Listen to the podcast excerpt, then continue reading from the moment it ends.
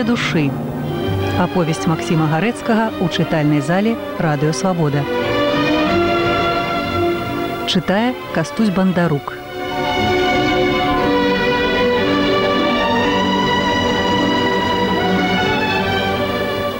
На ўсходнім фронте чырвоная армія дужа пабіла белую армію. З гэтай прычыны ў месце Н бальшавікі назначылі свята на суботу. Бедная Іра сакавічанка не магла ў гэты дзень пабачыцца ў вастрозе з сваімі сябрамі, бо ўсё ўсюды было па-святочнаму зачынена. Трэба было чакаць яшчэ цэлых сем дзён. Парадзіўшыся з абдзіраловічам, пастанавіла яна за гэты час з'ездзіць у сяло, дзе быў канцавы вучыцелем, і дастаць паперу ад сельска камбеду, што арыштаваны не ёсць пэўны шкоднік для бальшавіцкай уласці, што камбет бярэць яго на свой адказ да самага суда. Спадзявалася таксама дастаць нейкую паперу і сухавею ў горках. Вярнуўшыся з зарэчча, куды хадзіла дагаварыць сабе падводчыка балагола, Іра сустрэла на лесвіцы ў гатэлі абдзіраловіча. На вуліцы ўжо хадзілі з песнямі, з музыкай, насілі штандары, і куламеса з розных адарваных гукаў ляцела аж сюды на лесвіцу. І дзяўчына хацела шыбчэй забегчы ў свой пакой і схавацца ад усяго. Гэтая няўважнасць дзяўчыны пры спатканні чапнула прыкрасцю і так ужо, як самому здавалася знерваваны яго настрой. Ён ішоў за ёю без тэй радасці, якой жадаў і на якую спадзяваўся думаў, што яна маўкліва вінаваціць яго ў тым, што нічога не памог ёй у вызваленні арыштаваных і дзеля таго і з ім такая. І сам пачынаў вінаваціць яе за гэткую дзявучую лёгкадумнасць, з якой яна дарма так на яго думае і абніжае рознымі справамі прыемную любасць асабістых яго з ёю адносін. А божухна, як змарылася за гэтыя дні і як зусім дарма, не для чого ох сказала простагнала іра кінуўшыся на крэсла і абшчапіўшы галаву руками як дарма з малой ахвотай перабіў ён што маглі зрабілі. Абое падоўга маўчалі. У пакой даляталі глухаватыя гукі з вуліцы там іграў аркестр а шарэнгі людзей праходзілі пеялі даляталі гукі інтэрнацыяналу. Абдзіралович прыслухаўся і хацеў бы пайсці на вуліцу. Яна ж зморана схілілася і паглядзелася ў люстра. І паціху адсунулася, схудзела і неяк зблажэла за гэтыя дні беганіны і непакою ў незвычайнай сферы. Дзівавала сабе, што згубіла і не мае сваёй паўсюднай жыццярадаснасці, што выбілася з духу. Хацела б войстра, а войстра адчуць усё тое, што было ў яе, калі тужыла цэлы дзень у гамаку. Няма таго во сядзіць той перад ёю, а яшчэ далейшы і чужэйшы, чым тады. О божухна, Гэта ж мінулася жыццё, гэта ж сіл ужо няма, зморанася панавала. Яму падабаўся матыў інтэрнацыяналу, падабалася пяянне, пабуджаў той клум, што быў на вуліцы, пабуджаў у ім сілы і некуды клікаў. Што б там не казаць, а мне надта падабаецца музыка інтэрнацыяналу пачуў як паволі наплывае нез'яснёны сорам за словы што б там не было і дадаў прыгожая музыка праўда ага прыгожая яна не ведала напэўна як разумець словы што б там не было але палічыла іх за яго супярэчнасць з бальшавіцкімі крывавымі ўчынкамі і наўмысля сказала падумаўшы прыгожы матыў інтэрнацыяналу, але пакуль ён не пабуджае ў маёй душы ўяўленняў гора або радасці абы якой інтэрнацыянальнай грамады людзей. Пакуль такой грамады сярод нацыі на зямным клубку і не видела і не знаю. Патуль мне больш чаго кажаць матыў нашай мужыцкай беларускай марцальезы, з матывам которой мне ўяўляецца бясконцы цярнёвы крывавы шлях к інтэрнацыяналу майго няшчасна народу. Памаўчаўшы і трошку спакайней, але з яшчэ вялікай тугой у голасе дзяўчына казала далей. Праўда, мне і з тым і з тым матывам аднолькава ўяўляецца тое трагічнае нялепае для нас, адроджаных беларусаў, што чужыя для нас людзі, не заўважаючы на сабе яшчэ не скінута імі сваёй нацыянальнай прапітанасці, прыйшлі да нас з інтэрнацыяналам толькі на вуснах, з яго толькі фікцыяй у сваіх мазгох. І з фанатычнай безміласэрнасцю ўзяліся рабіць з беларускай нацыі толькі гной на гарадкі для ўзрошчвання свае фікцыі інтэрнацыяналу. О буцяны прокляты! Узварушоным голасам з горам крыкнула яна. Яны хочуць зрабіць адзнакі свае нацыянальнасці інтэрнацыяналам для нас. Дык дзякуй за ласку. Можа трапім увайсці ў інтэрнацыянал як роўныя з усімі без гэтай дадатковай формы развіцця. Іраіда Аўгенаўна, навошта ж прыймаць усё так блізка к сэрцу. Мне здаецца, што ўсё няшчасце тут ад разладу тэорыі практыкі. Бо скажэце, калі ласка, тэорыя камунізму дазваляе, каб маскоўскія ці якія іншыя камуністыя гвалтам абмаскалівалі беларусаў. Тэорія інтэрнацыяналу вінаватая ў тым, што беларускім народам кіруюць цяпер бальшавіцкія камісары усякіх нацыяў, апрача беларускай Ці яна вінавата, што ў нашым знамянітым обліскам запе ёсць армяне, латышы, жыды, палякі, маскоўцы, але няма нас, беларусаў, што правінцыя мае толькі такіх кульгавых беларусаў як гэты гаршчок. Можа, пойдзем абедаць, паспыталася ў яго іра. Ён усміхнуўся змоўк і адказаў, што з прыемнасцю. Калі сходзілі па лесвіцы іра прадэкламавала пачатак марсельезы, ад веку мы спалі і нас разбудзілі.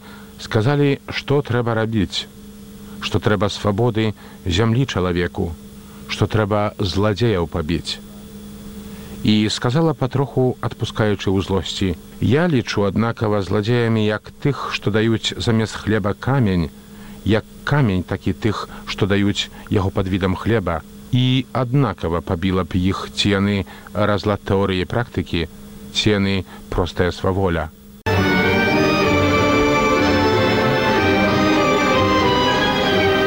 Дзве душы. Аповесць Масіма Гарэцкага ў чытальнай зале радыёвабода. Чытае кастусь бандарук.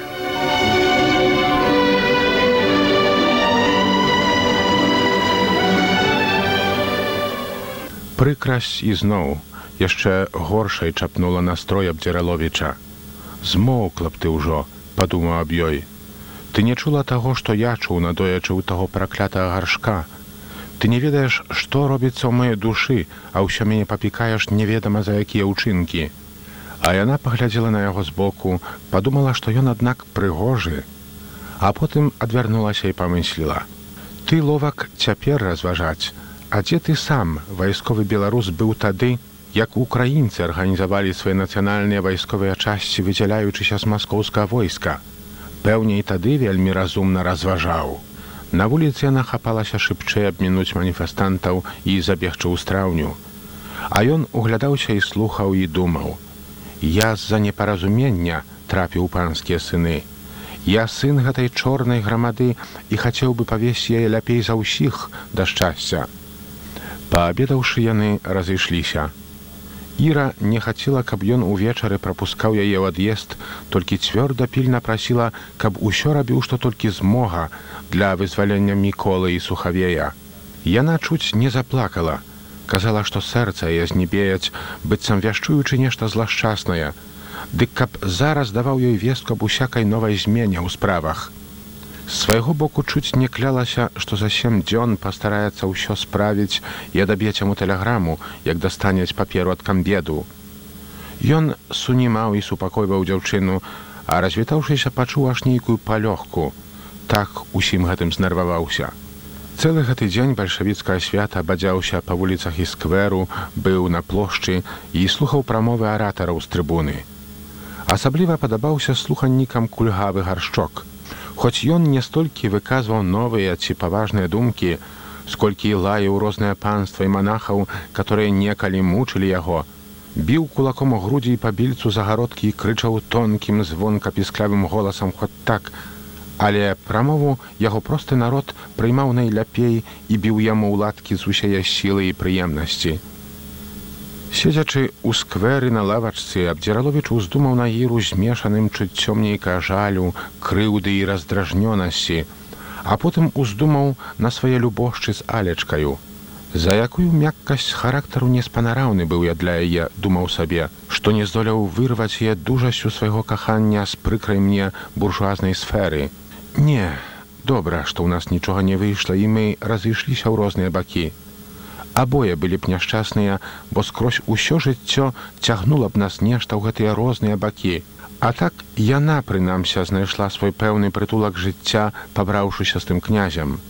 І тут жа ўзноў уздумаў на гіру, на яе шэрыя круглыя вочы такія разумныя, але ўжо без той маладзенькай дзявоцкай свежасці, што ў алі. Белы тварык з бліскучымі чорнымі вачмі і пасмачкамі бліскучых чорных валасоў стаяў уваччу, і не меў ён на яго ніякага жалю, ніякай крыўды, а голас іры, мяккі густы нутраны, дрыжаў у вушу, ды будзіў жаль і раздражнёнасць. Часам мітусіўся той вечар у гаршка і забірала злосць на народ і на бальшавіцкіх такіх гаршкоў. А проці гарэшкі было штось тупое, цяжкое, ненавіднае, што не магло яшчэ прарвацца ў звычайнай злосці і быццам чакала асаблівай дарогі для свайго разгону. За сем дзён Іра не справілася вярнуцца, бо сяляне за пільнай работай не маглі сабрацца на зборку, А за гэты час у Н знайшлі контравалюцыйны замысел і ўжо колькі чалавек буржуяў аддалі пад расстрэл. На неабмеркаваны час быў забаронены ўезд у Н. Дык Іра, пачуўшы ад людзей, што там ідуць расстрэлы, а яна прыехаць туды, каб бараніць сваіх не можа, проста з галавы сходзіла ад чорных думак. Галоўнае, што нічога не ведала, Абдзіраловіч нічога не пісаў. Тым часам Абзіраловіч пабыў у другую суботу ў вастрозе і пагаманіў пры вартаўніку з міколам і сухавеем. Мікола быў незвычайна рад, што ігнат даведаўся яго, а сухавей пазнаў, што Абдзіраловіч той падарожны рэнагат і непрыхільна паставіўся да яго. Мікола дужа схудзеў, збялеў і аброс шчацінаю, вельмі мучыўся ад боязні, што расстраляюць і зусім апаў духам. Сухавей быў спакойны, засмучоны, але цвёрды. А бацьку вашым тут ніхто нічога не ведае, сказаў ён абдзіраловічу з падказаным значэннем слоў. Веданне знішчылася ў сяле, вусны пераказ, як давядзецца пасля. Абдзіраловіч зразумеў, што пісьмо не папала ў рукі чазвычайкі і з асаблівай ласкавасцю адказаў яму: « Надта вам дзякую.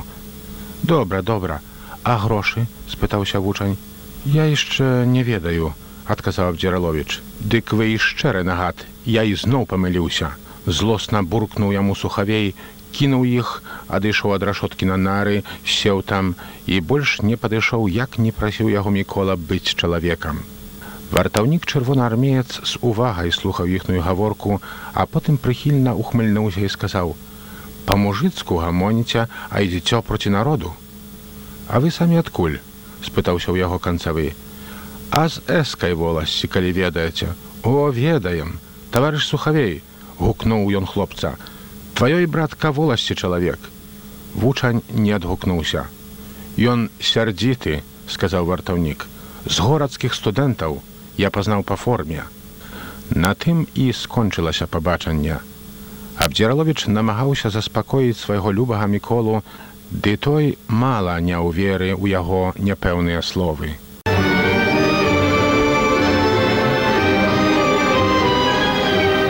Дзве душы. Аповесць Масіма Гарэцкага ў чытальнай зале радыёвабода.